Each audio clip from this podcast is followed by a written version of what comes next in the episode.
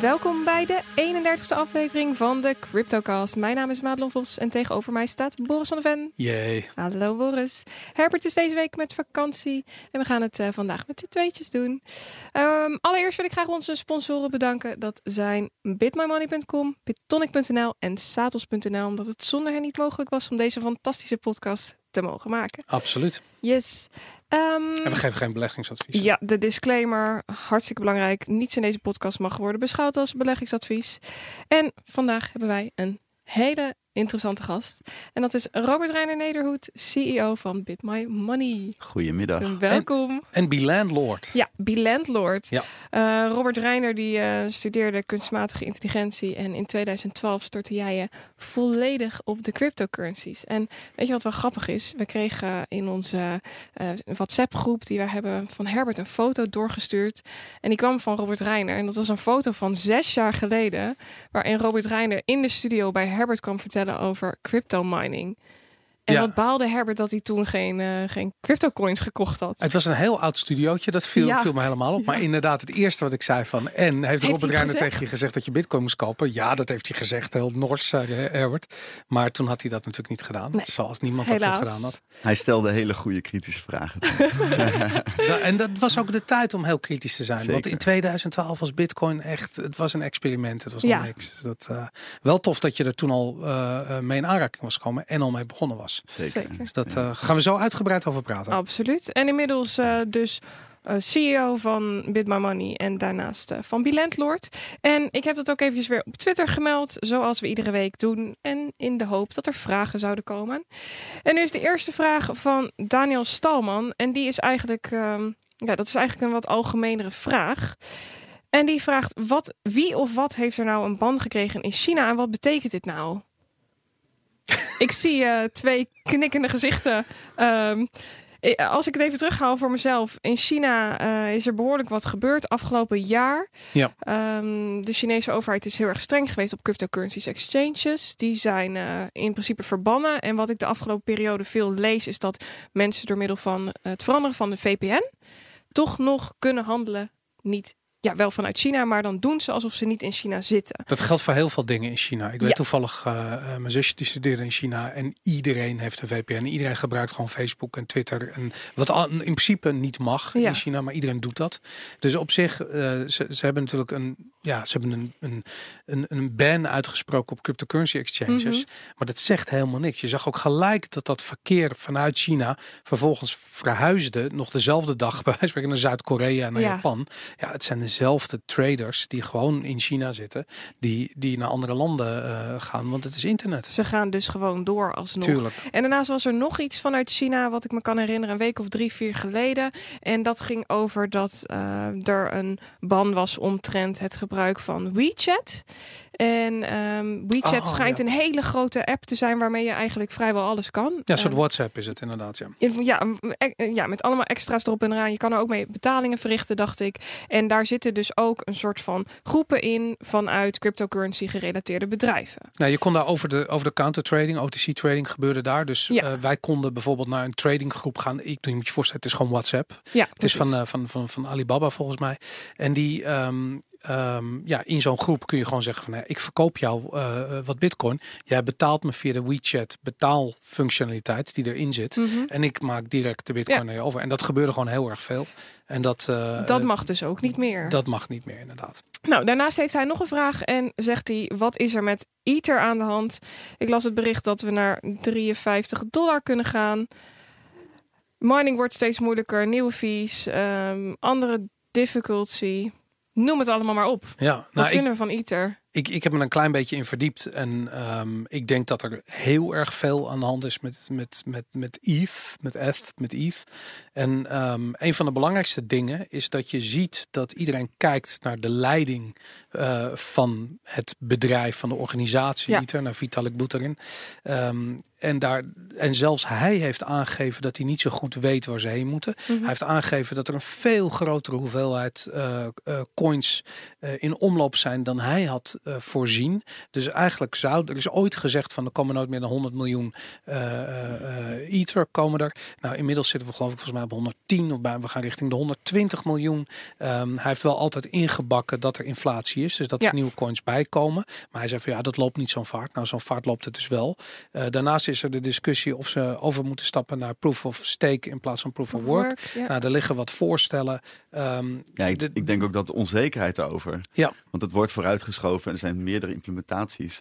En dat de onzekerheid daarover ook zorgt dat mensen dus het vertrouwen verliezen. ja, En er zijn alternatieven nu die Ja, zeggen we gaan het- ook Daar zoals maak ik me en Lisk over. En NIO, die gaan allemaal op de smart contracts. Ja. Maar die hebben bepaalde vragen al beantwoord die bij Ethereum nog open liggen. Ja. Ja. inderdaad. En vooral met name dat die discussie over de proof of work versus proof of stake of weet ik veel sharding of wat voor technieken in Ethereum nog worden besproken. Mhm. Eigenlijk al die technieken zijn inderdaad al uitgeprobeerd in andere Ja. change. En als je dat vindt werken, dan koop je die coins en Mhm. of bouw je daar je projecten.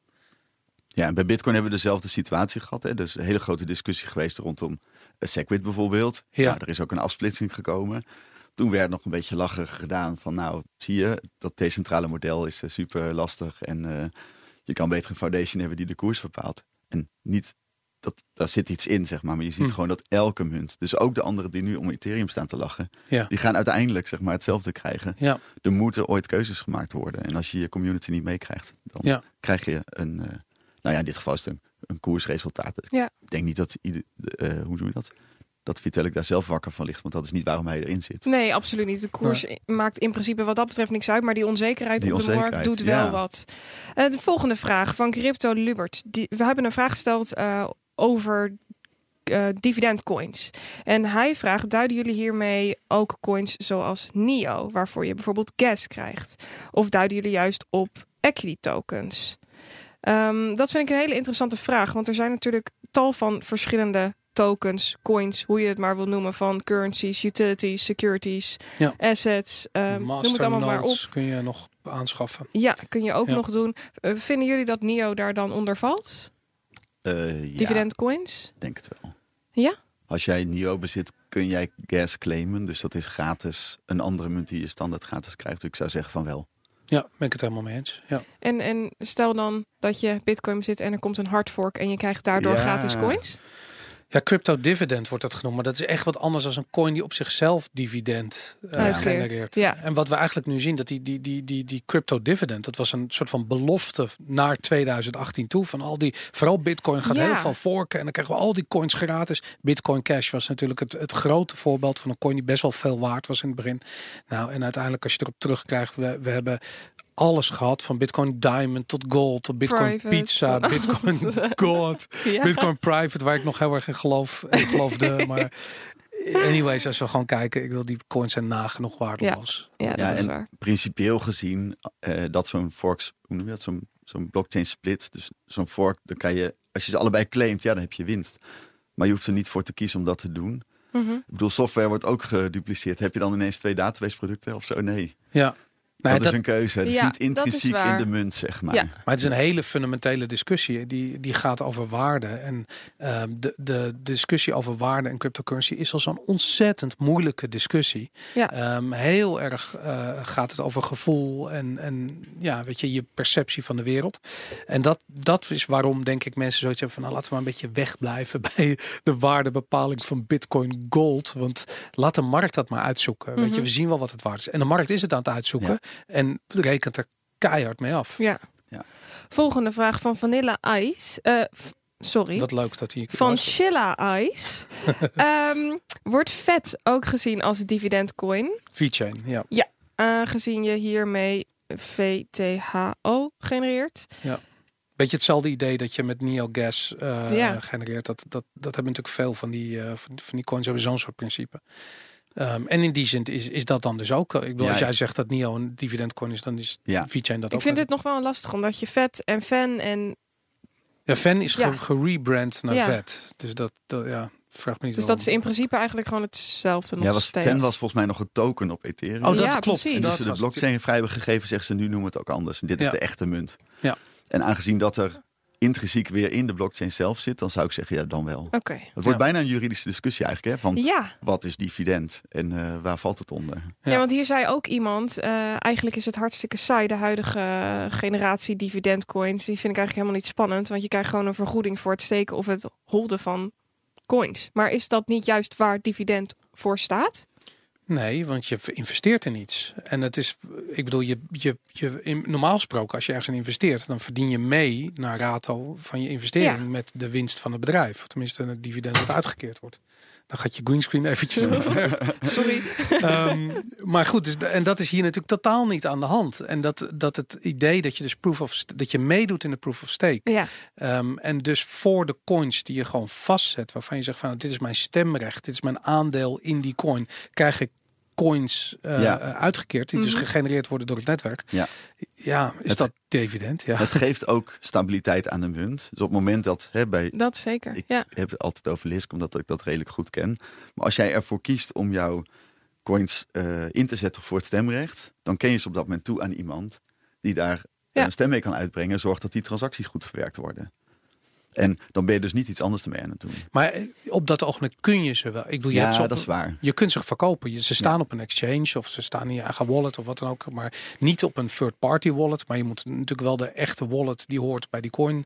Anders doe je niet mee. Ja, ik ik vind het wel echt een intrinsiek iets van een munt. Dus ik vind het niet saai. Ik denk dat het heel erg helpt om het systeem stabiel te houden. Ook qua beveiliging is dus een incentive, zeg maar een beloning, dat je het uit een exchange haalt en op je eigen wallet zet. Ja, Dat geeft, hè, dat geeft het netwerk stabiliteit. Ja, dat ben ik met je eens. Ja, en je krijgt daardoor ehm, wel de situatie dat je de stakeholders moet vertrouwen. Ja. En dat vind ik nou juist zo mooi aan Bitcoin. Dat dat, Ja. Of eigenlijk aan proof of work. Dat Ja. je niet hoeft te vertrouwen, omdat dat is wat proof of work Ja. is. Het is wel een afweging. Het Pros is en niet, cons. het is niet alleen het steken. Ik bedoel, Ja. ik ben zowel fan van eh, proof of stake als proof of work coins. Dus, ehm, maar bij Bitcoin heb je natuurlijk wel het argument van energieverbruik. Ja, En bij Proof of Stake heb je wel zeg maar iets van eh, een paar honderd machines die die transacties staan te verwerken. Maar dat is het ook. Dat zijn Mhm. gewoon de computers. Dat zijn niet eh, Amazon-waardige datacenters die gewoon eh superveel energie slurpen. Ja. En dat, dat is, ja, de toekomst moet uitwijzen of het echt waar is dat die energie gewoon nodig is om het eh, financiële netwerk veilig te houden. Vooralsnog zijn daar veel argumenten voor. Maar mocht het toch heel erg negatief blijken, dan is Proof of Stake een alternatief. Dat is duidelijk. Wat is jouw eh, mening ten opzichte van het steken en het draaien van masternodes versus het draaien van masternodes? Vraagt Syscoin 23. Ja, eigenlijk hebben we een klein stukje eh, gemist van de nadelen van proof of stake. Ja, Een argument is namelijk, het maakt de rijken rijker. Ja. En eh, als jij dus heel veel coins bezit, dan krijg je, ben je efficiënter zeg maar, in je proof of stake beloning. misschien goed om even uit te leggen waarom het de rijke rijker maakt. Oh ja.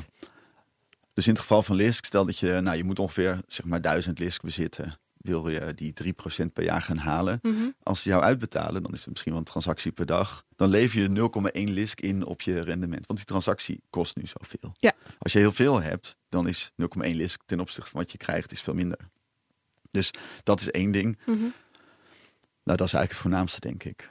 Maar als je een heel klein beetje hebt, dan is het gewoon niet efficiënt genoeg. Dan, Dan draagt is het eigenlijk bijna niet rendabel om te bijna doen. niet rendabel. Inderdaad, bij 100 lisk, dan moet je het vastzetten. En na een jaar heb je, eh, heb je eh, je Ja, eerste initiële... Ja. kosten voor het Ja. stemmen en zo heb je dan terug. Ik hoorde dat in het voorstel voor Ethereum, om met Ethereum naar het proof of stake eh, eh, model te gaan, dat er ook een, een soort van grens ligt van duizend eh, Ethereum die je dan moet hebben. Dat Ja. is een gigantische investering. Weet je, Ja. we hebben het over 200.000 euro op dit. Precies. En dat was ook bij, eh, bij Dash is dat hetzelfde. Het was ook duizend. Toen ik een keer een presentatie erover keek, toen had iemand voor de presentatie, hè, die, die kon eigenlijk wel dat te betalen dan, maar die had eh 1000 Dash gekocht, had zijn apparaatje gestart thuis. Was toen nog 4000 euro. Ja, Eh, als je dat nu wil doen, zit je op 300.000 euro of iets Ja. dergelijks. Ja, En dan kan je zeggen, ja, dus Masternode heeft dus ook het rijke. Je moet dus rijk zijn om, om die om zo'n te kunnen- Masternode te kunnen draaien vroeg bij geweest zijn. Ja. Of te vroeg bij zijn geweest. Ja. En, ehm, maar ik, weet, ik moet wel heel eerlijk zeggen, ik weet meer van Proof of Stake dan van Masternodes. Maar het lijkt me dat je daar dus ook krijgt dat een selecte groep met eh, voldoende vermogen, zeg Mhm. maar, die Masternodes gaan draaien. En het positieve is dan, die hebben ook veel te verliezen. Net als bij de miners, bij Bitcoin ook. Als je een heel datacenter hebt gekocht, dan heb je onwijs geïnvesteerd. Dat geeft ook aan dat je zeg maar voorzichtig omgaat in de keuzes met Bitcoin. Ja. Ehm, aan de andere kant, ja, als wij nu met z'n drieën zeggen van... joh, zullen we inderdaad een masternode starten voor, eh, voor Dash... dan moeten we alle, allemaal eh 100.000 euro op tafel weten te Ja. Ja. Ja, Ik heb het idee dat het bij veel beginnende coins ook gewoon een marketing tool is. Van wil jij voor, weet ik veel, 500 euro deze masternode hebben, dan kan Mhm. dat. Ja. En het is gewoon precies dat. Het is een, Ja. een beetje een marketing tool. Je voelt je belangrijk, Ik maar had wel echt in december verwacht dat masternodes en vooral dividend coins in dit jaar groot zouden gaan Ja. worden. Maar ik, ik mis het een beetje. Ik, ik zie er bijna niks niet over in het nieuws. Het is gewoon niet nee. gebeurd. Ja. Nou, Nee. Heeft dat niet ook met het juridische aspect te maken? Dat ook, net als iemand vroeg, over, is het een equity token? Nou, dan Ja, hebben we het over een ander het? onderwerp. Maar je ziet al die projecten proberen zich in bochten te wringen om maar een utility token te hebben. Ja. Ja, Want dat zijn een soort plastic muntjes. wel die Binance coins. Die eh, mag je gewoon uitgeven. Ja. Maar op het moment dat je iets van rendement oplevert. Dus, eh, Ja. nou ja, dus 3% bij, eh, bij een bepaalde munt als je een masternode draait, ik zeg maar iets. Dan zit je meteen in een juridisch spectrum waar het gewoon gereguleerd zou Ja. moeten zijn. Zo heb ik het nog niet bekeken, maar dat zou inderdaad hele goede kunnen zijn. Vooral omdat iedereen zo bang is voor de SEC. Ja. Iedereen die nu een zeker. ICO doet. En terecht, want Ja. volgens mij gaat de eh, SEC straks echt met gestrekt been die, eh die crypto-wereld in. Dan gaan we echt mensen de bak in zien vliegen. Maar dat, eh, We gaan het straks verder hebben over eh, regelgeving. Allereerst eh, gaan we nog eventjes naar het nieuws. Ja. Eh, ik krijg trouwens nu net een leuk eh, nieuwtje binnen van, eh, van Herbert. Die doet de groeten aan jou. En Ah. dat mag ik live doorgeven. Hartstikke leuk. top. Eh, even zien. Zou jij willen beginnen, Robert Reiner? Met jouw nieuwtje. Oh ja, oh snel. Ik had hem net weggetikt. Oh. Ik zag eh, in het FD, dat is, eh, we zijn hier op het thuishonk van het FD ook hè. Ja. Mhm. Banken willen betrouwbaarheidskeurmerk voor nieuwe klanten. en dat vind ik op meerdere vlakken interessant. Ja, ik ook. Ten eerste dacht ik, oh, dat lijkt me echt iets waarvan andere mensen zouden zeggen, dat moet je met blockchain gaan doen. Ja. Hè, dan heb je zeg maar, de centra- hier staat echt letterlijk, er moet een centrale partij komen die dat gaat doen. Nou, die centrale partij wil je niet, dus dan zou je kunnen zeggen, nou, misschien kun je dat met een blockchain oplossen. Mhm. Er komen hele problemen uit, hè? maar ik bedoel Ja. meer, dat is de eerste gedachte. Je, je ik, oh, ziet mij denken, volgens Mensen mij. gaan dat vinden. Nou, ten tweede, eh, privacy aspect. Ja, En wat ik ook leuk vind, het is eigenlijk het omgekeerde van een BKR. Ja. Dus eerst hebben ze een soort register waar je in komt als je het niet helemaal goed doet. En Mhm. nu ga je naar voren trekken. En dan zeg je van nou, eigenlijk moet je in een register staan om überhaupt financiële diensten te mogen afnemen. En dan het derde aspect, en dat is iets sympathieker, zeg maar. Ik herken dit heel erg. Want wij hebben natuurlijk duizenden klanten elke maand die we eh, ook moeten valideren. En de Ja. regelgeving vanuit Europa, die, hè, dus wat je net zei over SEC in Amerika, dat krijg je in Europa gewoon ook. Die zegt, oh wacht even, vanaf 2500 euro per maand moet je klantonderzoek gaan doen. Ja. Nou, dat wil dus zeggen, als je nog niet eens een halve bitcoin gaat kopen, En of eh, zes ether of zo, ja. dan moet je identiteitspapieren gaan verstrekken. En dat is voor ons, maar hoe doen jullie dat? nou dat is heel vervelend. Dat is gewoon, eh, dat is voor vervelend voor iedereen. Ja. Het is gewoon heel veel werk, dus dat kost geld. Maar ook voor mensen die zeggen, ja, ik wil gewoon, eh, ik wil gewoon één bitcoin bezitten. Dat zijn er heel veel. Ja. Dan moet Mhm. je dus om een eh, legitimatie gaan vragen.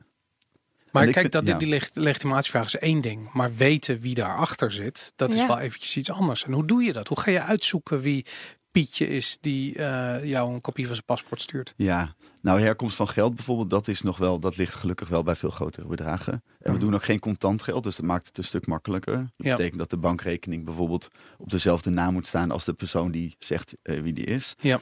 Maar kijk, je komt hier pas op als je echt grotere bedragen gaat doen. Dus nu is dat iets van 5000 euro per dag. Dat wordt dus straks strenger. Mhm.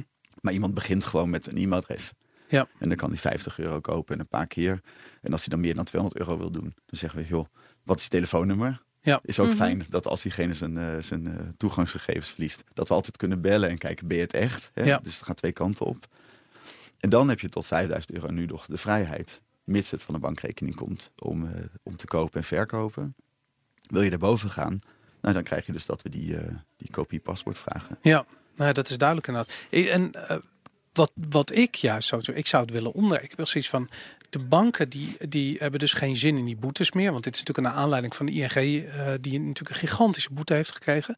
Ehm, eh, juist omdat ze geen controle deden op waar het geld vandaan kwam, wie die mensen waren. Ehm, ik heb als gebruiker zoiets van, ik heb gewoon in, in, eh, in toenemende mate moeite met de banken. Ja, Ik heb een probleem met het feit dat eh, eh, eh, de ING eh, keihard samenwerkt met Mexicaanse drugskartels. Of misschien was dat de Rabobank. De Libor-fraude die ik als hypotheekafnemer direct merk. Ja. Ehm, ik heb gewoon grote moeite met het feit dat eh, ING, wat een staatsbedrijf is, een boete moet, moet ophoesten van bijna een miljard. Eh, betaald door wie precies? Weet je? uiteindelijk uiteindelijk. Daarom. En dat ik, ik, ik heb zoiets van: kunnen deze mensen niet eerst hun eigen tuin opruimen, eerst hun eigen rotzooi opruimen en dan vervolgens gaan kijken van hoe kan het hele ecosysteem van, van geldverkeer kloppend gemaakt worden? Want uiteindelijk, je hebt er helemaal gelijk. Ja. Waar ga je uiteindelijk die bal neerleggen? Die banken hebben zoiets van: wij hebben er geen zin in. Dit wordt uiteindelijk weer de last van de burger, de klant, de consument. Ja, daarom. Ja, ik, dit, ik, volgens mij raakt je, eh, je stellingname raakt aan waarom wij hier zitten. Ja. En dat is natuurlijk dat het niveau waar je nu over praat, hebben we nul invloed op. Ja. En ehm, de achterliggende gedachte is, hè, ik, had natuurlijk met Madelon even voorgesproken. En dat is, wat is nou je motivatie om hier te zitten? En ja, sinds 2012 voor mij dan, dat is toch dat op een bepaald moment ik steeds meer leerde over hoe de euro werkt. Ja. En daarna hoe het wereldsysteem werkt. En dan zie je daar tegenover een soort zuiver blockchain systeem zonder dat soort. Ja, ik bedoel, je kunt altijd een systeem misbruiken, maar intrinsiek is het super transparant. Mhm. En is het gewoon ehm, onmogelijk, zeg maar. Ja, ik weet niet hoe je dat moet zeggen, maar ik bedoel, dat, dat probleem wat je net hebt, dat gaan we echt niet oplossen. Daar kun je Nee. niks aan doen. Dat, dat de- staat zo ver van je bed. Ja, Net zo goed als dat de banken niet de fraude gaan oplossen. Dus eh, iedereen wijst eigenlijk naar een oplossing die er is. En die oplossing die heet bijvoorbeeld Bitcoin. en, en dat is, maar dat, dat is het ironische van de situatie. Gebruikers willen Bitcoin zonder dat ze misschien Ja. nog wel Bitcoin kennen, omdat ze de banken zat zijn. De banken willen Bitcoin omdat ze geen zin hebben om die verantwoordelijkheid te moeten afdragen over de, over de gebruikers. Ehm, uiteindelijk is gewoon het hele probleem is centralisatie. Namelijk dat er iemand aangewezen kan worden en zeggen van jij hebt Ja. of iets gedaan of je bent verantwoordelijk. ja ik, ik moet wel zeggen, ik, daarom zeg ik, ik sympathiseer hier wel een beetje mee. Ja. Want ik denk dat we ook, wij als Bitcoin enthousiastelingen, kijk, die drugskartels die zijn er. Ja. Die gaan niet weg omdat er een blockchain komt. Nee. En die hebben ook, zeg maar, allemaal eh, illegale handel. En die hebben allerlei goud en, eh en tegoeden. Dus er is ook wel, zeg maar, eh, het is ook wel prettig als Bitcoin in ieder geval enigszins gevrijwaard blijft van dat soort associaties. Ja. Dus Maar dat is, is, dat, is dat wel mogelijk? Ik bedoel, je kunt, je, ik snap dat je op, op, je kunt individuele gebruikers natuurlijk buiten de deur houden. Maar ik bedoel, als er oh ja, ja ergens- uiteindelijk. Ja, nee, Ja. ja. als je de lijn doortrekt. Kijk, zodra de. Kijk, wij zijn een derde partij. Ja, Dus wij Ja. zeggen van, nou ja, mensen willen met Bitcoin beginnen, laagdrempelig. Of die willen überhaupt gebruiksvriendelijk met Bitcoin om kunnen gaan. Dan kun je dat bij Bitcoin niet doen. Ik zeg het één keer. daarna.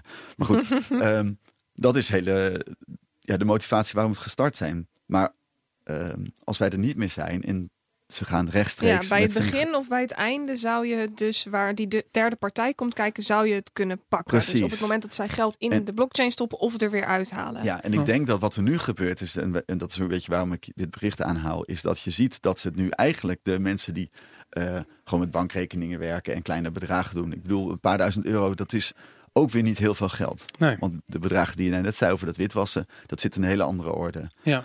Dus onder het mom van eh, anti-witwassen en terrorisme, terrorismefinanciering worden die regels aangescherpt. Daar hebben we echt last van. Nou, dat vind ik ook onterecht. En ik Hmm. vind ook dat we daar eh, als branche zeg maar, Mhm. eh, ons tegen moeten verenigen. En dan moeten zeggen van kijk, dat valt allemaal reuze mee. En pak inderdaad even de echte problemen aan. Nou, dat is wat je net aankaartte. Maar als je bitcoin doortrekt of een andere cryptocurrency, dan kunnen ze straks natuurlijk die hele drugsdeals gewoon buiten alle partijen omdoen. Ja. En dan is het eh, het koffertje met eh, drugs daarheen en de bitcoins niet meer in een koffertje in een prullenbak, zoals in de film. Het is natuurlijk ook zo dat zij niet zeggen van het is vervelend dat er eh, geld wordt witgewassen. Zij zeggen gewoon van het is vervelend dat we aansprakelijk worden gesteld. Ja, en dat wel. zijn twee verschillende dingen. Maar wat ik heel raar vind uit dit bericht is dat. Eh, ik heb een poosje bij, ook bij een bank gelopen. En als ik kijk naar hoe streng die due diligence is. Ja. ehm, hoe goed er in een klant wordt gedoken. Dat ik me bijna niet voor kan stellen dat het op zo'n grote schaal misgegaan is. Ja, maar dat is wel. Over, overal waar geld vandaan komt, werd allemaal nagetrokken. Ook al zei je dat het van een erfenis kwam of noem het maar op. Ik kan me gewoon niet voorstellen dat een bank dat op een dusdanig grote schaal gewoon maar ik kan maar- er wel vingers voor. Ja, ik ook. Ja. Maar wij zitten op het niveau van particuliere beleggers en rekeningen. Ja. En als je de artikelen ook leest, dan gaat het altijd over dochterbedrijven hier en dochter. Dus die, ook zo'n hoofd van ING, die zit natuurlijk een soort van te schaken op een heel ander niveau dan, dat, dan, ja. dan wij. Nee, en reken maar dat grote bedrijven hun eigen contactpersonen hebben en andere ingangen hebben. En er zijn heel veel verschillende Maar kantoortjes en zouden dat dan schimmige partijen geweest zijn die Nee, maar kijk, Ja. kijk naar de Zuidas. Hoeveel geld er uit eh, eh, Rusland komt via Oekraïne naar de Zuid. Ik bedoel, daar heeft. eh, eh, eh, er, er is genoeg over geschreven. Die Kamerplan-tour die je had, inderdaad. Het was briljant. Ja. Ja, ik bedoel, eh, moet iemand daar toezicht op houden? Die banken hebben zoiets van: hè, als er iemand aan de bel trekt, dan doen wij het ook niet. Eh, maar reken maar dat jij een paar miljard eh, eh, eh, via een Nederlandse bankrekening het land wil, dan ga je echt niet, nou, loop je niet een kantoor binnen en dan ga je met een meisje achter loket vragen waar je dat geld kan, eh, precies kan afmaken. Dat gaat anders. Nee, En- daar heb je gelijk in. En soms is die vertrouwensrelatie ook verlegd. Dus dan als, als ING zaken doet met een, eh, een Zwitsers bedrijf of ik weet niet. En ze doen dat al jaren.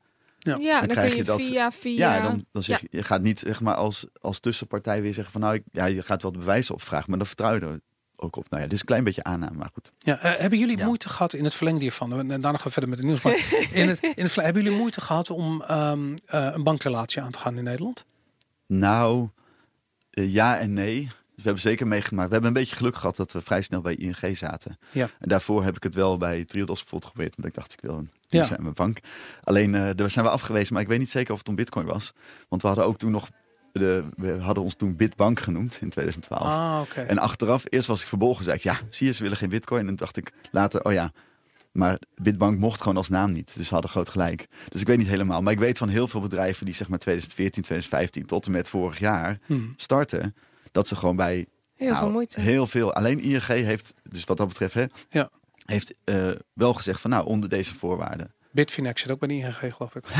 ja, serieus. Ja, dat is eh Ja, uitgelegd. ja, maar wel in een dochterbedrijf waarschijnlijk dan. Ja, misschien inderdaad. Top. Boris, jouw nieuwtje. Mijn nieuwtje is eh, Arthur Hayes, de CEO van eh, de werelds grootste handelsplatform BitMEX. En eh, je moet je voorstellen, dat bedrijf is zo ontzettend groot. Die hebben zojuist de aller, aller, allerduurste kantoorruimte ehm, in Hongkong. En dat is de duurste eh, vierkante meter kantoorprijs ter wereld, hebben ze gehuurd. Ehm, en Arthur Hayes, de CEO daarvan, die haalt opnieuw keihard uit naar Ethereum. En dat heeft hij al een keer eerder gedaan. Hij heeft gezegd, dit is een double-digit shitcoin. Eh, dat heeft hij letterlijk gezegd. En moet je je voorstellen, de directeur van 's werelds grootste handelplatform, die zo hard is over een asset die hij zelf verhandelt, dat is echt opvallend. En eh, met andere woorden, hij verwacht dat de prijs onder de 100 dollar gaat, gaat ver- ver- verdwijnen. Die heeft nu opnieuw een uitspraak gedaan, deze Arthur En die zegt, ehm, je kunt nu ehm, Ethereum en USD met elkaar verhandelen. Ehm, en dat kun je doen zonder dat je die coin hoeft aan te raken. Dus je kunt dat met bitcoin doen. Dus hij zegt letterlijk van, je kunt die shitcoin Ja. kun je best wel in handelen. En hij heeft nog een keer het woord shitcoin gebruikt. En, maar je kunt dat doen zonder dat je hem ook daadwerkelijk hoeft te kopen. Want dat is alleen maar risico, want het gaat toch naar double digits toe. En het gaat maar is dit niet raar dat iemand op zo'n manier, en eh, nu zeg ik iemand, dat de CEO van BitMEX op Ja. zo'n manier over een bepaalde coin praat? Stel dat eh, de president van de New York Stock Exchange wat zou zeggen over, eh, Over een beursgenoteerd bedrijf. beursgenoteerd Ja. bedrijf. Ja. Dat hij dan Zo. zegt van nou jongens, eh, ik noem maar iets Tesla, nou dat, eh, dat gaat echt Ja. naar nul. Ja, er zitten twee aspecten aan. Persoonlijk vind ik. Aan de ene kant, natuurlijk is het raar dat hij dat doet. Aan de andere kant, dit is crypto. Weet Ja. je, dit is, dit, is, dit is het wilde westen. En deze guy is de, waarschijnlijk de rijkste crypto-ondernemer van de wereld. En het kan hem niet meer schelen. Ik bedoel, hij is. Ja, hij- of hij wil gewoon meer volume in die markt, omdat mensen in paniek raken. maar hij ziet gewoon. Nou, ik weet het niet. Ik, ik, ik, ik denk eerlijk gezegd, want de- ik heb deze man, ik heb een aantal interviews met hem gezien. Hij is gewoon echt een Bitcoin-maximalist. Ja. En hij heeft gewoon zoiets van: ik zit hier gewoon eh, in zoals ik erin zit en deal er maar mee. Dat is hoe. Ja, Ja, en misschien is dat goed, hè? maar Want dat, bedoel vind ik dat ook met die regulering, dat ze oh, het moet gereguleerd worden. En ik heb toevallig een keer ook in het FT iets ingezonden waarvan ik zei van ja, maar doe het nou niet en zeg gewoon. Dit is crypto. Weet je wel? Dat Ja. Je moet wel afschermen wat crypto, crypto is. Dus je moet wel iets gaan eh, vastleggen. Maar op het moment dat je zegt van nou, ik ga met mijn geld naar cryptocurrencies toe. Of ik ga in een ICO meedoen. Dan weet je gewoon dat dat eh, minder gereguleerd is. Of misschien wel helemaal niet. En Ja. dat, is dan, dat zou prima kunnen zijn. Want dan Ja. weet je, dat is ook transparantie. Maar als je op het moment dat je gaat zeggen en een, een soort van zweem van gereguleerdheid gaat krijgen, ja, dan mag dat dus niet meer. Terwijl je kan ook zeggen, er is geen bedrijf Ethereum, Ja. er is geen bedrijf Bitcoin. Dus iedereen mag zeggen wat hij wil erover. Waarom is er Ja. geen bedrijf Ethereum? Nou ja, je hebt de foundation. Ik zie dat wel als bedrijf. Ja, ik zie Nou. dat ook. als- Maar goed, dat is natuurlijk de discussie. Hè? Dus nee, ik bedoel, vind je- ik niet. Want ik kijk, et- eh, Ethereum Classic is ook afgesplitst. Dus je kan zeg maar, Maar iedereen is vrij om met die munten vandoor te gaan. dat ze iemand willen pakken, dan kunnen ze dat doen. En kan die hele munt onderuit gaan. Ze kunnen Vitalik Ja, ja, ja. zo onder Ja, ja. druk zetten dat die hele munt waardeloos wordt in principe. Maar het is geen klassiek bedrijf. Nee. Dat nee, is het is meer. niet een bedrijf juridisch. Het is een decentrale is organisatie. En Ja. Bitcoin is misschien iets extremer daarin. Maar als het hele Bitcoin ontwikkelteam wordt opgepakt, dan eh, gaat de Ja. koers echt niet omhoog. Ja, Nee, Dan schrikt iedereen het zich een ongeluk. daarom inderdaad. Maar goed, ik vond het, eh, ik vond het opvallend Ja, dat deze zeker. figuur dat zomaar zegt. Ik had ook een, eh, een opvallend nieuwtje. Zoals jullie weten, kijk ik graag naar koersen, koerspatronen, eh, koersdalingen. Het liefst stijgingen natuurlijk. Maar ehm, ik zag een tweet voorbij komen. Gisteren was dat van CryptoRent. Eh ja, van CryptoRent. En hij eh, heeft de tweet daarna weer verwijderd. Dus ik kon hem nu niet meer terugvinden, helaas. Maar hij gaf aan dat we in 2013 een daling vanaf de all-time high hadden gehad van, 8, eh, van 85 procent. En nu zitten we oh, oh. van 86. 86 procent. En nu zitten we op een 85 procent daling vanaf de all-time high. Ja. Dus we zitten 1 procent van de daling af, wat we in 2013 ook gezien hebben.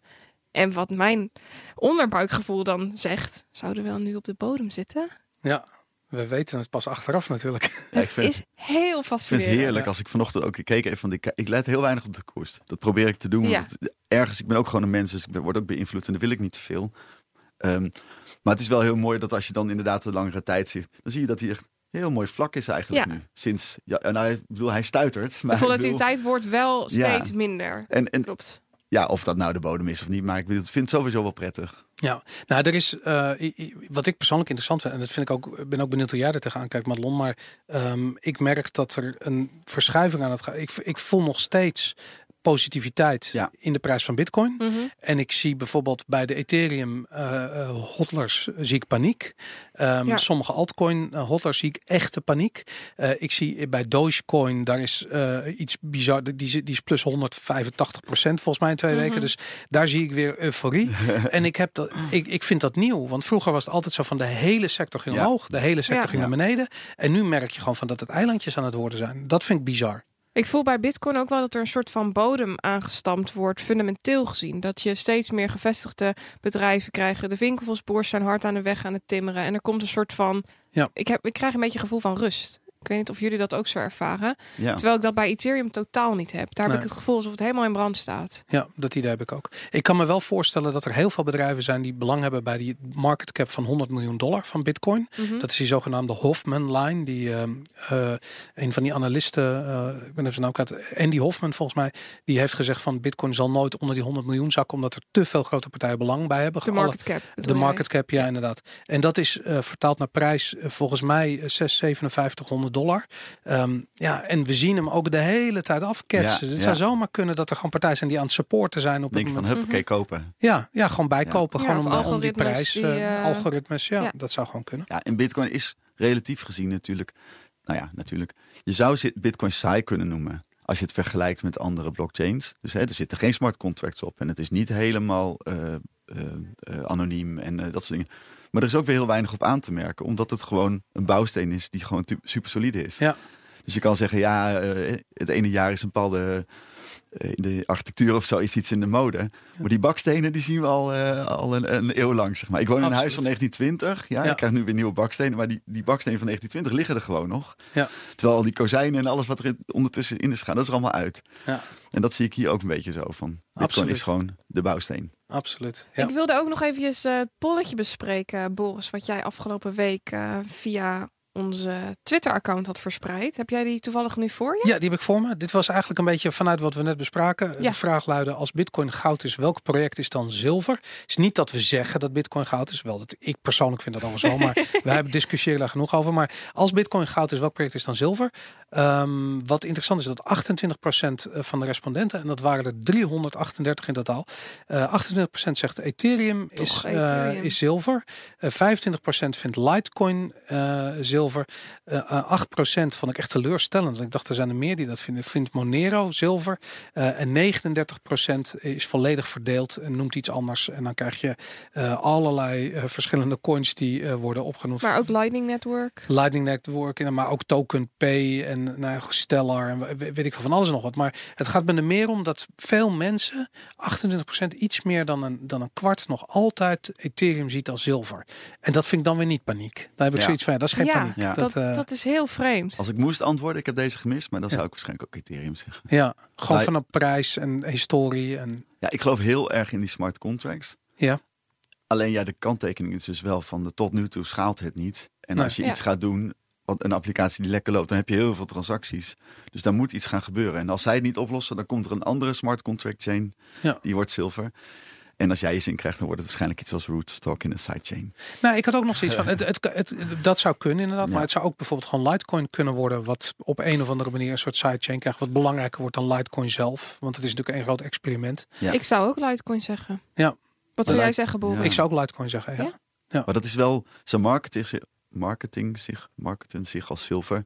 Ja. En dat doen ze heel goed. En ik, ik we bieden hem ook aan. Ik heb hem zelf ook als zilver soort van. Niet als nummer twee, maar ik vind hem. Ik, is niet dat ik echt, maar het onderscheidt zich natuurlijk wel heel weinig. Het is een beetje de, Niet, de helemaal niet. ja, het is de, de niet. kraamkamer of zo. hè. Als er iets nieuws is van Bitcoin, hup, oké, dan gaat Litecoin gaat dat deze eerste doen. Dat is wel heel sympathiek. Het glimt op een andere manier. Ja, ja, ja. Heel klein beetje anders. Ja. Oh, leuk. Nou, de prijs. Prijsanalyse gaan we nu naartoe. We hebben eh, vorige week een hogere bodem gezet. De voorna laatste bodem die vond stand op, even kijken, 5880 ongeveer. En de bodem van afgelopen week was rond de 6101. Dus we hebben nu een hogere bodem en dat is eigenlijk behoorlijk positief. We zitten nog steeds in de descending triangle met lager wordende toppen en horizontale bodems. Ondanks dat we dus nu dan op de kortere termijn wel een iets hogere bodem hebben gezet. Ehm, we hebben nog ongeveer een week of drie voor die meest optimale uitbraak. Ehm, en daar wacht ik echt met smart op. Ik ben heel benieuwd wat het gaat doen. Nu ehm, hebben we gisteren een mooie uitbraak gezien van een neerwaarts trendkanaal. Daar zijn we opwaarts uitgebroken. En we hebben nu nog potentie tot eh 6500 dollar naar beneden afgerond. En de koers zitten we staat- bijna op dit ogenblik. ja, de koers staat nu op 6460. Dus dan hebben we nog een heel klein beetje speling en dan eh, is het koersdoel behaald. En vanaf daar is er mogelijkheid om weer eventjes ietsje naar beneden te, te tikken tot eh, maximaal 5900. En we moeten het gaan zien. Ik, eh, ik weet het niet, jongens. Ik heb geen idee of we nu opwaarts of neerwaarts gaan uitbreken. Of... We zitten nu in het midden van RSI. Dus ehm, ja, het zou logisch zijn als we nu nog ietsje omhoog tikken, vlak boven die 70 op RSI en daarna weer rustig gaan, eh, naar beneden gaan om toch nog eventjes die bodem extra aan te stampen. Ja. Dat was hem voor nu. En de, de prijs van Ethereum, even heel Ehm, kort. Ik kan hem er eventjes bij pakken. Zal ik ondertussen iets zeggen over Bitcoin, wat ik denk? Ja, Ja, Ehm, ik denk, zeg maar, als je gezien hebt dit jaar met eh, Turkije en eh, Venezuela en nog een aantal van die landen. Ik kijk zeg maar niet zo naar die grafieken, maar ik kijk veel meer wat zie je nou op wereldschaal gebeuren. Mhm. En het verbaast mij al dat het zo lang duurt. Het is niet per se leuk, maar ik denk dat het succes van crypto uiteindelijk het gevolg gaat zijn van eh, het ten, teloorgaan of de ondergang van een heleboel munten die nu nog soort van gangbaar zijn. Ja. En daar hoort de euro in mindere mate ook bij. Ja. Want daar is ook allerlei onzekerheid. Net als bij Ethereum heb je bij de euro eigenlijk ook onzekerheid. Ja. En eh, ik verwacht eigenlijk dat eh, eind volgend jaar dat er weer zo'n land oppopt. En dat er weer een eh, heleboel nieuws eh, gaat verschijnen over eh, maatregelen en eh, currency wars eigenlijk. Hè, dat idee. eigenlijk dat- precies wat Willem Middelkoop vorige week ook aangaf. Ja. Van nou jongens, pas op. eh. Oké. nou, maar ik vind dat heel interessant. Want, want eh, hoe, hoe, hoe merk je dat zelf? Als je kijkt naar het sentiment. Ik bedoel, je runt een, een, een- een bedrijf wat gespecialiseerd Ja. is in de verkoop van cryptocurrencies aan, aan, aan Nederlanders. Ja. Over het algemeen. Ja, binnen heel Europa. Nou, voornamelijk Nederlanders. Voornamelijk Nederlanders. Hoe, is, hoe is het sentiment? Ja, je ziet nog steeds nieuwe gebruikers komen. Daarom ben ik ook niet zo heel erg in paniek. Want er is eigenlijk een soort van rustige tijd voor mensen om zich te verdiepen zonder eh, fear of missing out. En, eh, Ja, en eh, het berichtgeving, dat zei ik gisteren ook, berichtgeving wordt positiever. De gebruikers komen nog steeds. De bedragen zijn wel kleiner. Ja. Dus mensen zijn nu niet zo van, hup, oké, daar gaat mijn spaargeld. Of zo, ik zeg maar iets, of daar gaat mijn bonus, vakantiegeld erin. Dat valt allemaal wel mee. Maar ja, nog steeds al die nieuwe mensen. Ja, Ja, ja en dat, vind ik, interessant. dat geeft heel veel rust. En aan de andere kant zie je dus wel dat het besef komt van... hé, hey, het is eigenlijk eh, best wel een cool systeem. Ja. Het is heel stabiel al jaren. Eh, het systeem zelf, hè, niet over de koers. ik heb ehm Ether er nu bij gepakt. En ik zie op de één dag grafiek positieve divergentie. Wat we al, nou laten we zeggen, ongeveer twee jaar niet meer hebben gezien. En het volume loopt op terwijl de koers afloopt. Dus dat is ook divergentie positief op het volume. Ik zou zeggen dat we nog maximaal tot eh, 140 dollar kunnen zakken voor Ethereum. Zo, En, dat is ehm, nogal wat hoor. Ja, dat is wat we maximaal zouden kunnen doen als we echt nog een paniekspike zouden krijgen. En als we die paniekspike niet krijgen, dan zou ik zeggen 160 dollar. Maar die positieve divergentie is er zeker. En eh, nou, dat zou dan een mooie, mooie koop zijn op zich als we weer terug het trendkanaal in En wat zou dan het prijsdoel zijn voor Ethereum? Eh, dat kan ik zo heel lastig inschatten. Want we zijn in principe uit een falling wedge gevallen. Mhm. Dus dan zou je al een neerwaarts koersdoel hebben. En vanuit daar moet je kijken wat de koers dan aan het opbouwen gaat. En vanuit daar kun je weer opnieuw een koersdoel berekenen. Maar dat kan ik nu nog niet, want we hebben het vorige koersdoel nog niet behaald. En dat zou dus eh, nog ietsje lager liggen dan waar we nu zitten. Duidelijk. Yes. En dan gaan we naar het beleggingsspel. De wedstrijd, zullen we die even heel snel afraffelen? Laten we die heel snel afraffelen. Herbert die, eh, heeft zijn stand doorgegeven. Die stond vorige week op eh, nou, ongeveer 300 dollar. 1 dollar lager. En die staat nu op 280 dollar en 42 cent. Ja, ik stond vorige week op 278 en nu op 265,82. Beetje hetzelfde als Herbert. Ik eh, sta 2 dollar hoger dan vorige week. Dus eh, Dat doe je goed. Ja, nou ja, ja, ja het, het is niet veel, maar eh, het, het doet iets. Ja. Ik heb iets te vroeg eh, bijgekocht. En eh, ik denk dat nu ongeveer wel het moment daar is om nou, rustig te kunnen oogsten. Ja, Herbert heeft nog zijn 100 ja. dollar per week project. Die heeft eh 24 keer 100 dollar uitgegeven. En dat is nu ongerekend in dollars 2149 dollar 95 waard. Schade is beperkt. Ja, behoorlijk beperkt. Ja. En hij gaf ook nog aan dat als hij het gelijk eh, in Ja. de bitcoin had gestoken, dat hij dan op eh 2163 dollar en 10 cent zou zitten. Ja, dus hij zit iets onder dat. Nou ja, goed. Daar gaan we het achteraf helemaal over hebben. Ja. En dan gaan we over terug. Eh, laten we snel doorgaan naar, eh, naar Robert Reiner. Laten we beginnen met de vraag die we aan iedereen stellen. Wanneer heb je voor het eerst van bitcoin gehoord? Oh ja, eh, eind 2011. en wat dacht je toen? Dat was, dat, dat was een paar maanden nadat die enorme crash er was toen. Van 30, Enorm. 30 dollar naar 2 dollar. En ik had er helemaal niks met die koers. Dat wist ik allemaal niet. Mijn vriend van mij kwam er mee. En ehm, oh, oh, interessant, zei ik. En toen eh, ben ik weer wat anders gaan doen. Ik heb het helemaal laten liggen. Net Ja. als Herbert eigenlijk. weet Tuurlijk, je, zoals iedereen. Ja, je moet het drie keer ja, horen, toch? ja, ja, ja. Ik, ik zweer je, daar is een wetmatigheid. Je moet Ja. drie keer van iets horen voordat je ook actie onderneemt. En uiteindelijk zat je een half jaar later in de studio bij Herbert. Ja, hij was in, in maart kwam diezelfde vriend er nog een keer mee. En toen dacht ik van, oh ja, nou, hij is altijd wel vooroploper. Oh, sorry, ik praat helemaal niet in de microfoon. Hij is vooroploper. Eh, is- wat een beetje een voorbeeld voor mij toen. En toen dacht ik, nou, dan moet ik toch maar eens wat in verdiepen. En toen bleek gewoon dat ze op Marktplaats, één iemand in Nederland op Marktplaats van die bitcoins aanbood. Op Marktplaats. op Marktplaats. Marktplaats, ja, ja, gewoon eh, geld overmaken en daarna kregen ze. Dus toen hebben we samen hebben we 20 bitcoins gekocht voor 90 euro in totaal. Wauw. Ja, ja, ja. Maar ik heb ze niet meer hoor. Tenminste, eh, dat, eh, net als iedereen, hè, dan gaat het omhoog en dan ga je stomme dingen doen en zo. Ik heb, ik heb ook nog een keer zo'n zo'n muntje be- besteld via eBay. Oh ja. ja. 25 bitcoins. Was in dezelfde tijd voor eh, nou, 120 euro of zo. Wat tof. Ja. En toen kreeg ik ze binnen en toen moest ik een invoerheffing betalen. Nog 20 euro overheen. Toen baalde ik gewoon. toen, was ik, toen baalde ik dat ik zeg maar ongunstige prijs uiteindelijk had gekregen.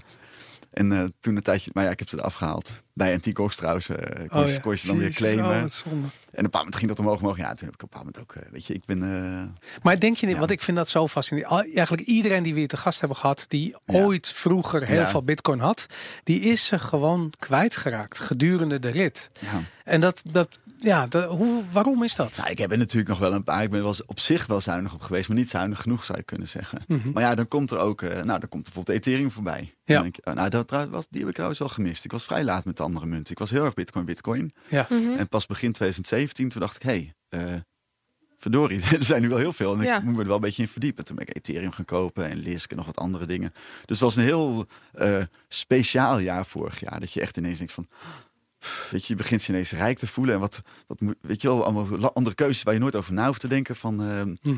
vasthouden, verkopen, dat soort dingen en zo. En, en het werd gewoon heel druk op het werk. Dus dat was de andere kant. Mhm. Je hebt daar niet zoveel tijd voor, voor koers. Want je moet gewoon de hele tijd nieuwe gebruikers helpen. En zorgen dat, dat je waar je voor gestart bent, dat je dat ook waar kan maken. Ja. Maar nog even terug naar jouw eerste bitcoin aanschaf. Want wat was de reden dat jij daadwerkelijk dacht... oké, nu moet ik ze toch hebben? Ja, echt uitproberen. Gewoon, ja, eh, 10, waar- waarom 10? Nou, dat is 45 euro. Dan denk ik, nou ja, weet je wel, dat kun je wel missen. En ik liet het ook aan mijn vriendin zien toen. En die zei, oh ja, wat heb je er nou aan? Ik zei, nou ja, ik heb hier op mijn telefoon, heb ik nu, zie je, ik heb zo'n, die wallet heb ik nog steeds, die Android wallet. Kijk, ik heb hier nu 10 staan, net stond er 0. Ja, eh, boeien. Dus? Weet je wel? ja, echt nul boodschap aan. Het is best wel lang zo gebleven. Dat ze ja, het leeft voor mij niet. Ik heb wel eens gevraagd, van wanneer gaat het voor jou leven? Ja, nou ja, misschien als het mijn toekomst raakt of mijn kinderen of zo. Maar gewoon dat geld en, en techniek, dat is gewoon, weet je wel, dat vond ik wel, eh, wel een inzicht. Fascinerend. Ja. Hoe, hoe vind jij als ondernemer, wanneer heb je besloten om te gaan ondernemen in crypto? Wanneer is dat vuur gaan branden? Nou, dat was best wel snel, maar op een andere manier nog. Want ik had toen, eh, ook dat minen vond ik eigenlijk niks. En toen kwam Butterfly Labs ineens met zo'n chip ja. die dan heel goed bitcoins kon minen. Toen dacht ik, nou, dat is eigenlijk best wel interessant. Dus toen heb ik er één besteld. En dan vanuit eh, perspectief dat je daar geld mee kon verdienen. Dat minen. Ja, ehm, ja, want je kan zeggen, dan maak je een afweging, de, de difficulty, hè, dus de, de moeilijkheidsgraad voor het minen was heel laag toen. Ja, Dan krijg je, oké, ik kan nu zeg maar bitcoins kopen of ik kan zo'n apparaatje kopen. En dan heb ik over een jaar heb ik veel meer bitcoins. Dus dat was Ja. eigenlijk, hè, dat Mhm. vindt iedereen interessant natuurlijk. En, eh, en de technische aspect vond ik ook wel leuk. Dus had ik er één besteld. En na een paar dagen dacht ik eigenlijk, ja, één, een hoop werken als dat ding komt. En dan moet je bijhouden. Kan beter gewoon zorgen dat ik er een paar bij heb. En zo ben ik dus bij Herbert toen terechtgekomen. Dus ik heb heel, in ene avond een websiteje gemaakt. En een eh, investeringsvoorstelletje voor eh, mensen om me heen, zeg maar.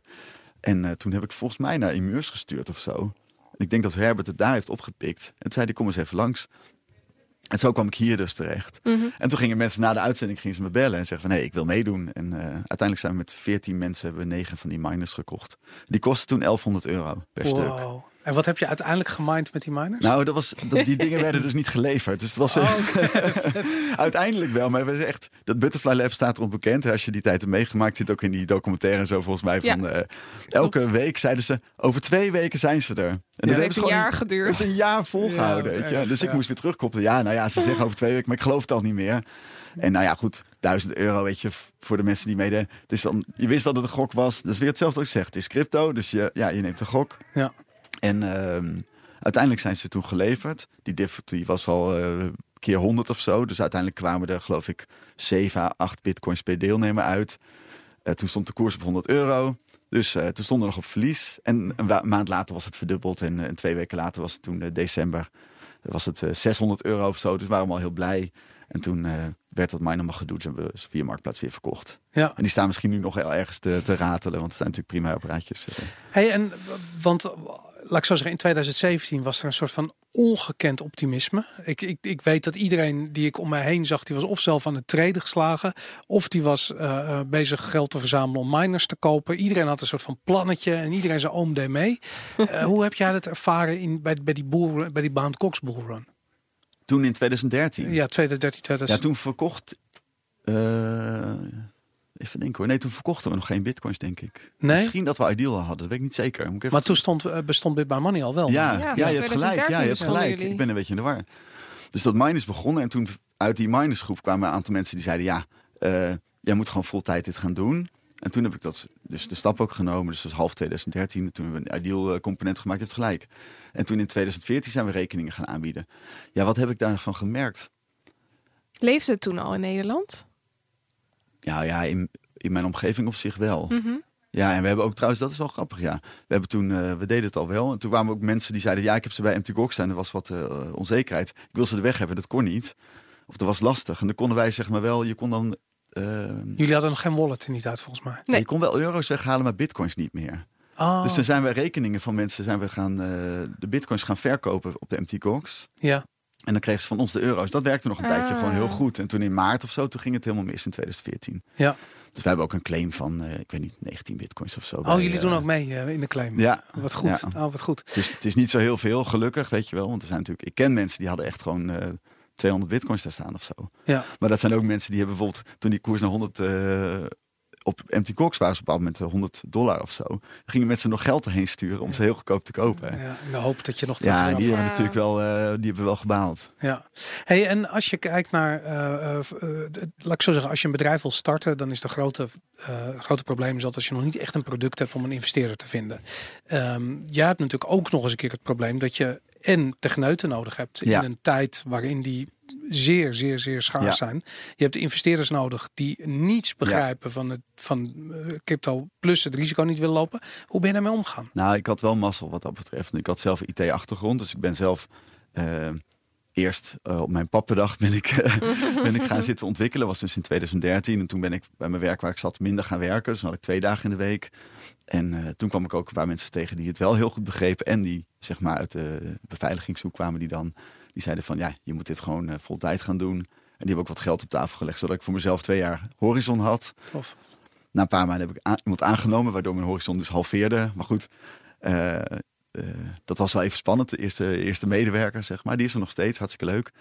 En uh, ja, dan zet je samen zo'n product neer. En daarna is het gewoon, ja, het was natuurlijk al die twee jaar, dat sloeg helemaal nergens op. Want binnen een half jaar of zo moesten we alweer om tafel gaan zitten kijken. Oké, wat wordt de koers en uh, waar gaan we op investeren? Ja, weet je, ondernemen is in het begin toch echt gewoon alleen maar tijd en geld erin steken. Wat ik me dan afvraag is waarom heb je dan die beslissing genomen om toch je huidige baan op te zeggen, uh, terwijl je ook gewoon van de zijkant had kunnen gaan kijken en een paar bitcoins kunnen kopen en uh, nou ja. Ja, nee, want toen die, die uh, dat ga ik beantwoorden, toen we die miners kochten, stond de bitcoin op 8 euro of zo. Ja, precies. Dus we hadden in plaats van een miner van 1000 euro, hadden we 120 bitcoins elke kunnen kopen.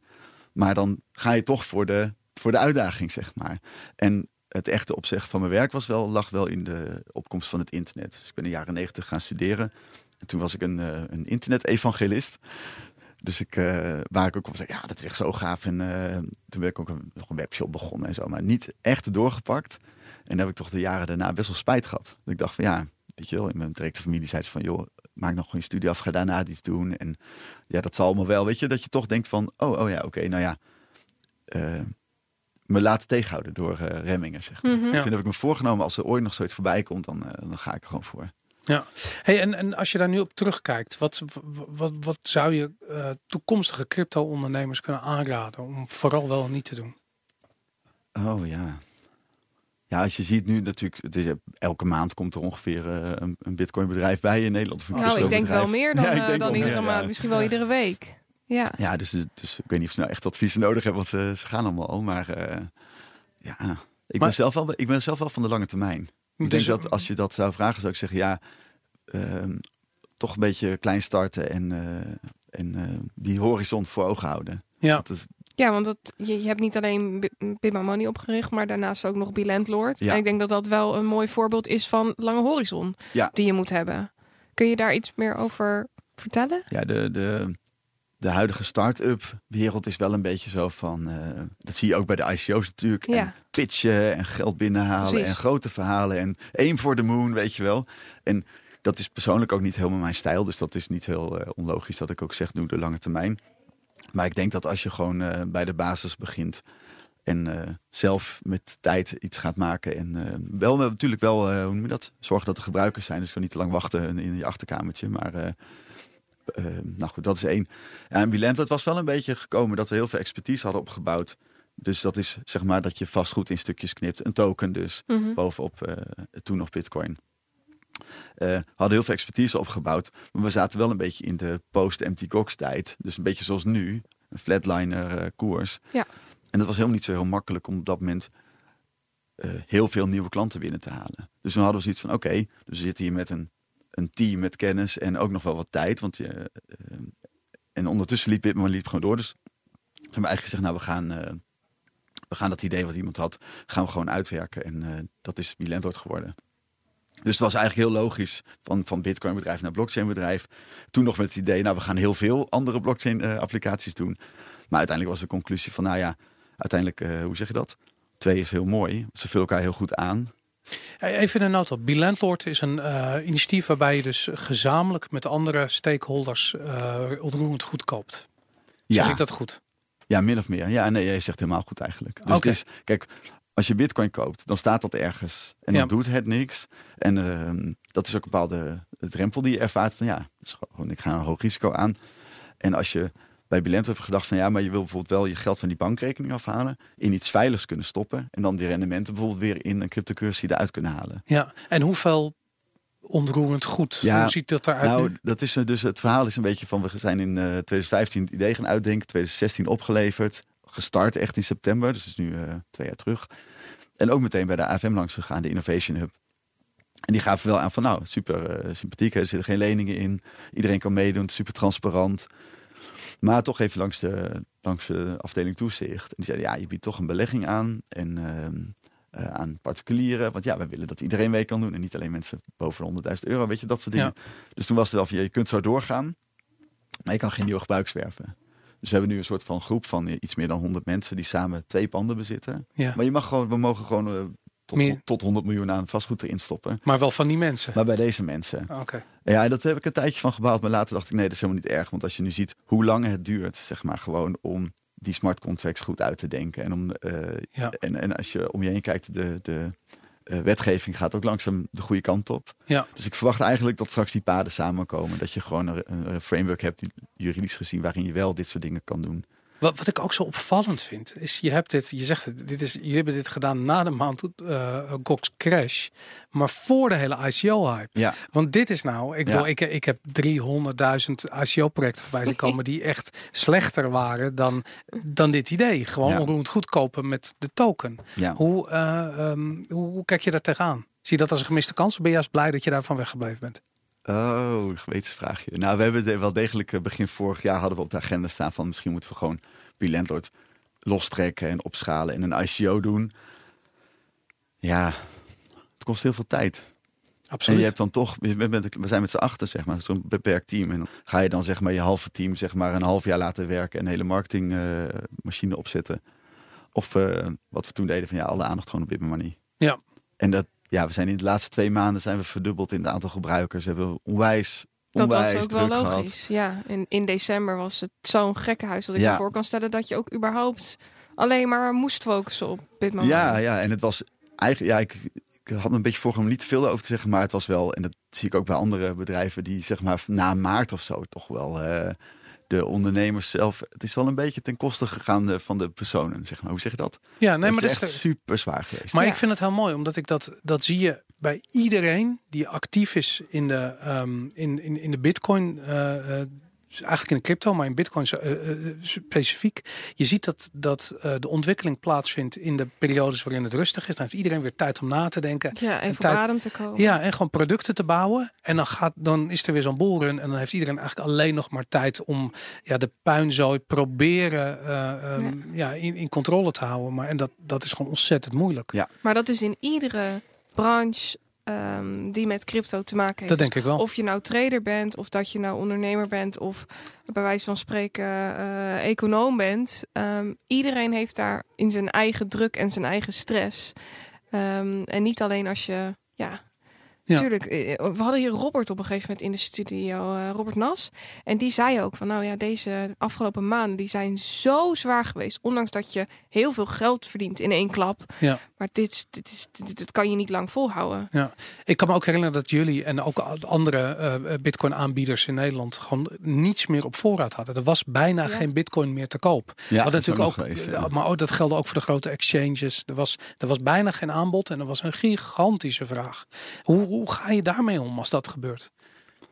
Eh, ja, dan moet je nee verkopen. En dat, de reden is natuurlijk dat die bitcoins die mensen kopen, Ja. die, die komen van een beurs. Dus je moet de hele tijd moet je zorgen dat er voldoende euro te goed op een beurs zijn in feite. Ja, En die, eh, dus, dus al die bedrijven in Nederland, dat zijn er nu al een stuk of 14 of zo, die leunen op de exchanges waar ze kunnen handelen. En die Mhm. exchanges die begonnen allemaal te kraken. Ja. Eh, ik weet het. Vooral die. Dus eh, ja, dan stu- stuur je er geld naartoe. En dan, nou, dat duurde, in het begin was het gewoon de volgende dag stond het op. Dus dan kun je zeg maar echt, en dan, als je het over grote volumes hebt, heb je best wel over grote bedragen. Maar als dat vervolgens drie dagen duurt voordat het erop staat, ja, dan, eh, dan houdt het op. En dan Ja. krijg je dus dat mensen gefrustreerd raken, gaan ze van de een naar de ander. Dus je krijgt ook nog heel veel supportvragen vragen binnen. Ja. Ik vind dat het bij ons best aardig gegaan is. Waar we wel last hebben van gehad is, is eh, rond, eh, rond kerst dat het Bitcoin-netwerk volliep. Dan Ja. kregen dat mensen kochten en dan werd het verstuurd. En dan ja, moesten ze soms echt 24 uur wachten voordat de, dat die geconfirmed werd. Ja. Wat, wat hebben jullie daar geleerd wat je meeneemt als er een volgende bullrun zou komen? Ehm, we hebben altijd gezegd, we bereiden ons voor voor het moment dat de draak gaat ontwaken, zeg maar. Hè. We hadden Ja. natuurlijk, we geloven erin. En dat heb ik nu nog steeds. Dus ik denk eind volgend jaar, misschien later. Ik weet het niet, maar ik ga uit van eind volgend jaar. Dan moeten we weer eh, alles een niveautje hoger hebben getild. Alleen, eh, we denken, we hebben de draak eh, onderschat. Ja, En ik denk, ik denk dat dat gewoon voor, eh, voor de volgende keer weer zo wordt. Dat, eh, ja, Als je zeg maar in, in we hebben toen op een bepaald moment hadden we in twee dagen evenveel nieuwe gebruikers als in heel 2016. Zoiets. In twee dagen. Maar Ja. dan kun je, je zou je voor kunnen stellen dat de volgende keer dat er een bullrun komt, dat die een exponentieel groter gaat zijn dan wat we eind 2017 hebben gezien. Als Ge- dat gebeurt. als dat Als gebeurt. dat gebeurt, ja. Nou, eh, ja, ik moet geen het is- beleggingsadvies. Het is een scenario waar we ons op voorbereiden, zo moet je het Ja. zeg maar zien. Ja. Dus wat we nu doen is zeggen we eigenlijk van ja, je moet, dus, je moet eigenlijk de activatie al gehad hebben. Dus mensen moeten, het gaat dus niet om, we hebben zeg maar een soort van algehele grootste doelstelling, dat is meer gebruik Ja. van nou, bitcoin, of, maar in ieder geval bij ons dat we starten. En ehm, ehm, je wil eigenlijk dat mensen nu al ja, geactiveerd zijn. Nou, goed, snap je, dan heb je de helft van het werk gehad. Ja, dus ze hebben al een account aangemaakt en, en, Ja. en ze zijn er al. Ze, Ja. je- zitten in het systeem en Ja. als het komt, dan kunnen ze in ieder geval gelijk kopen Ja, en zonder al- dat er nog allerlei handen Precies, en ook al is dat 10 euro of zo. Het gaat meer om dat, ze- en dat is niet alleen om het geld, maar meer ook vanuit eh, de ervaring en de vragen die je gaat hebben in het begin. Ja. Mhm. Ik zeg vaak als voorbeeld, als je vrouw zwanger is, dan zie je overal zwangere vrouwen lopen. Of als je net een kind gehad hebt, zie je allemaal kinderwagens. En eh, op het moment dat je een beetje bitcoin bezit, dan zie je ineens in het nieuws, zie je Overal overal. Ja, en dan ga je echt eh, een reis. Dat is Ja. jouw woord eigenlijk. Maar, ja, de rabbit hole. Jezus. Ja, wel. Absoluut. En eh, nog één ding waar ik heel erg benieuwd naar ben. Ehm, jij zei net al van, nou ja, weet je, ik, laat zo, ik kijk zo min mogelijk naar de, naar de koers. Want ik wil zo min mogelijk mijn emoties tonen. Boris, die is eh, juist heel erg van de emoties en van het onderbuikgevoel en dergelijke. Ik kan het niet onderdrukken, sorry. En ik kan niet naar de koers kijken, daarom ook. En ik probeer het gewoon compleet uit te schakelen. Dus ik focus alleen maar op die grafiek. Maar als je dan toch naar die koers kijkt, wat zegt dan jouw gevoel? Ehm, ja, Denk nee, je- maar mensen ik- gaan altijd vragen naar de toekomst of zo. En ik denk dat, dat ik op een. Nu, nu heb ik niet zo heel veel gevoel bij de koers. Ja, ik vind het fijn als ze niet omlaag gaat. Want het is gewoon. eh, ik vind, ik zou het gewoon onterecht vinden of zo. Ja, dat is Ja. een gevoel. Ja. Maar het is meer dat ik. Dat we eigenlijk een soort van reis gehad hebben. En dat heeft die koers dan ook een onderdeel van. Dat, wat, het maakt natuurlijk niks uit in feite of die koers nog een keer 10 is. Eh, Als je stil zou zitten of zo. Ik weet niet, als je niet van plan bent te verkopen, wat even. En toch verandert er van alles. Ja, weet je, ja. Ik vind, eh, d- d- dat is het hele ding, we hebben het daar al eens eerder over gehad. Maar Bitcoin heeft heel, en alle crypto's hoor, maar Ja. de hele space, maar ook Bitcoin in het bijzonder en space in het algemeen, die hebben heel veel verschillende vormen van waarde. Ja. En Ja. als je praat met iemand die bijvoorbeeld geen verstand heeft van crypto, dan is zo'n bullrun of zo'n prijs die omhoog gaat, dat is een beetje je gelijk. Ik heb zelfs, we Ja, hebben, ja, een ti- ja, tijdje terug dat is eh, wel zo. ik zag het toevallig Aaron van Weerdem, die hebben we hier te gast gehad, eh, natuurlijk een paar Ja. weken terug. En die, eh, die, die is ook helemaal niet van de prijs. Die zei ook hier van ja, ik hou me niet bezig met de prijs. Ja. En toch zag ik hem vandaag op Twitter iemand die iets negatiefs zei over Bitcoin, een soort van adviseur. Die en eh Aaron zei van die kon het niet laten en die zei eronder van, maar jij hebt verkocht toen hij 1000 dollar was. Ja. Weet je, terwijl die zich niet met prijs bezig had. weer die prijs. Maar waarom? Omdat het zijn gelijk was. Ja. Dus Aaron Ja. gebruikt het op dat Ja. ogenblik om, om gelijk te hebben. En dat voel ik ook wel heel erg. Weet je, ik bedoel, of die prijs morgen naar 1000 euro hoger of lager is. Persoonlijk kan het me niet zoveel schelen. Ik bedoel, whatever. Maar het gelijk wat erbij Ja. komt, Ja. de, de aandacht voor het onderwerp, de discussies die eruit voortkomen, die vind ik heel belangrijk. Dus daarom dan hoop ik dat die prijs door het dak gaat. Ja. Want dan, ja, dat is gewoon gelijk. En dat is wel de kern volgens mij van, van de harde kern zeg maar, van de crypto mensen. Zeker in het begin. Dan ging je er niet in voor dit. Je ging erin voor omdat je echt geloofde dat er een Ja. nieuw, nieuw, financieel, eh, een nieuw financieel systeem wordt gebouwd. Ja, En daar werken we allemaal hard aan mee. ja. Ja, maar dat heb ik nog steeds hoor. visie, vanuit Ja, ja, nog steeds, precies. visie. En, en Ja. het, wat belangrijk is, is dat het dan ook gebruikt gaat worden. Ja. En daar is de koers is een, is een indicator Ja. daarvan. Toch laten we ons allemaal een beetje beïnvloeden. Ja, misschien wel. Ja, ik, ik, ik, ik, ik, ik ben natuurlijk eh, vorige week getrouwd, zeg maar. En ik heb. eh, Gefeliciteerd. ja, en ik had Ja. op mijn trouwdag had ik van die mooie uh, Manchetknoopjes. manchetknopen, super lachen. Die heb ik ook drie jaar terug een keer gekocht voor niks. maar ik dacht, nee, moeten nu aan. En, maar ik heb ook wel mijn trouwerij kunnen betalen omdat ik eh, ooit bitcoins heb gekocht. Ja. Ja, En daar ik heb ze we, trouwens verkocht, hè, echt gewoon in maart of, of april vorig jaar. daar hadden we het gisteren ook nog Ja. over. Dat eh, op het moment dat je beseft eh, wat, wat één persoon of wat één groep mensen mogelijk gemaakt heeft met de komst Ja. van Bitcoin, dat het zoveel levens over de hele wereld vanuit mensen vanuit zoveel verschillende klasses, categorieën. ehm, ik had niet kunnen doen wat ik nu doe als Bitcoin er niet was geweest. En voor jou geldt hetzelfde, Robert Ja. Reinder. Ja. En dat is zo fascinerend als je daarover nadenkt. Dat Bitcoin zoveel goeds al heeft gebracht. Ja, mijn compagnon die zegt ook altijd van... eh, als mensen dan wat kritisch zijn op Satoshi... dan zegt ze, ja, maar realiseer je wel hoe mooi het is dat iemand dit bedacht heeft. Heeft een eerste versie geprogrammeerd en heeft het gewoon gegeven aan de wereld. Ja, ja, ja. En dan denk je, oh ja, inderdaad, weet je wel. Totdat hij straks zijn, zijn, zijn duizend, of wat is het, zijn miljoen bitcoin incasht om een vloot aan Lambo's te kopen. Nou, van mij mag die hoor. Dikke middelvinger opsteekt. Doei. Ja. Dat zou toch grappig zijn. Ja, dat zou jammer zijn. Dat zou heel jammer zijn. Nou, laten we daarmee afsluiten, want we zijn inmiddels eh, aan het einde gekomen van ons uur. Ik wil je heel erg bedanken, Robert Reiner, voor je komst vandaag. Superleuk om hier te zijn. Boris, ook bedankt. En Madelon, jou ook bedankt. Yes, en Herbert nog een fijne vakantie. We zien Ja. Herbert volgende week weer. Luisteraars bedankt en eh, tot volgende week.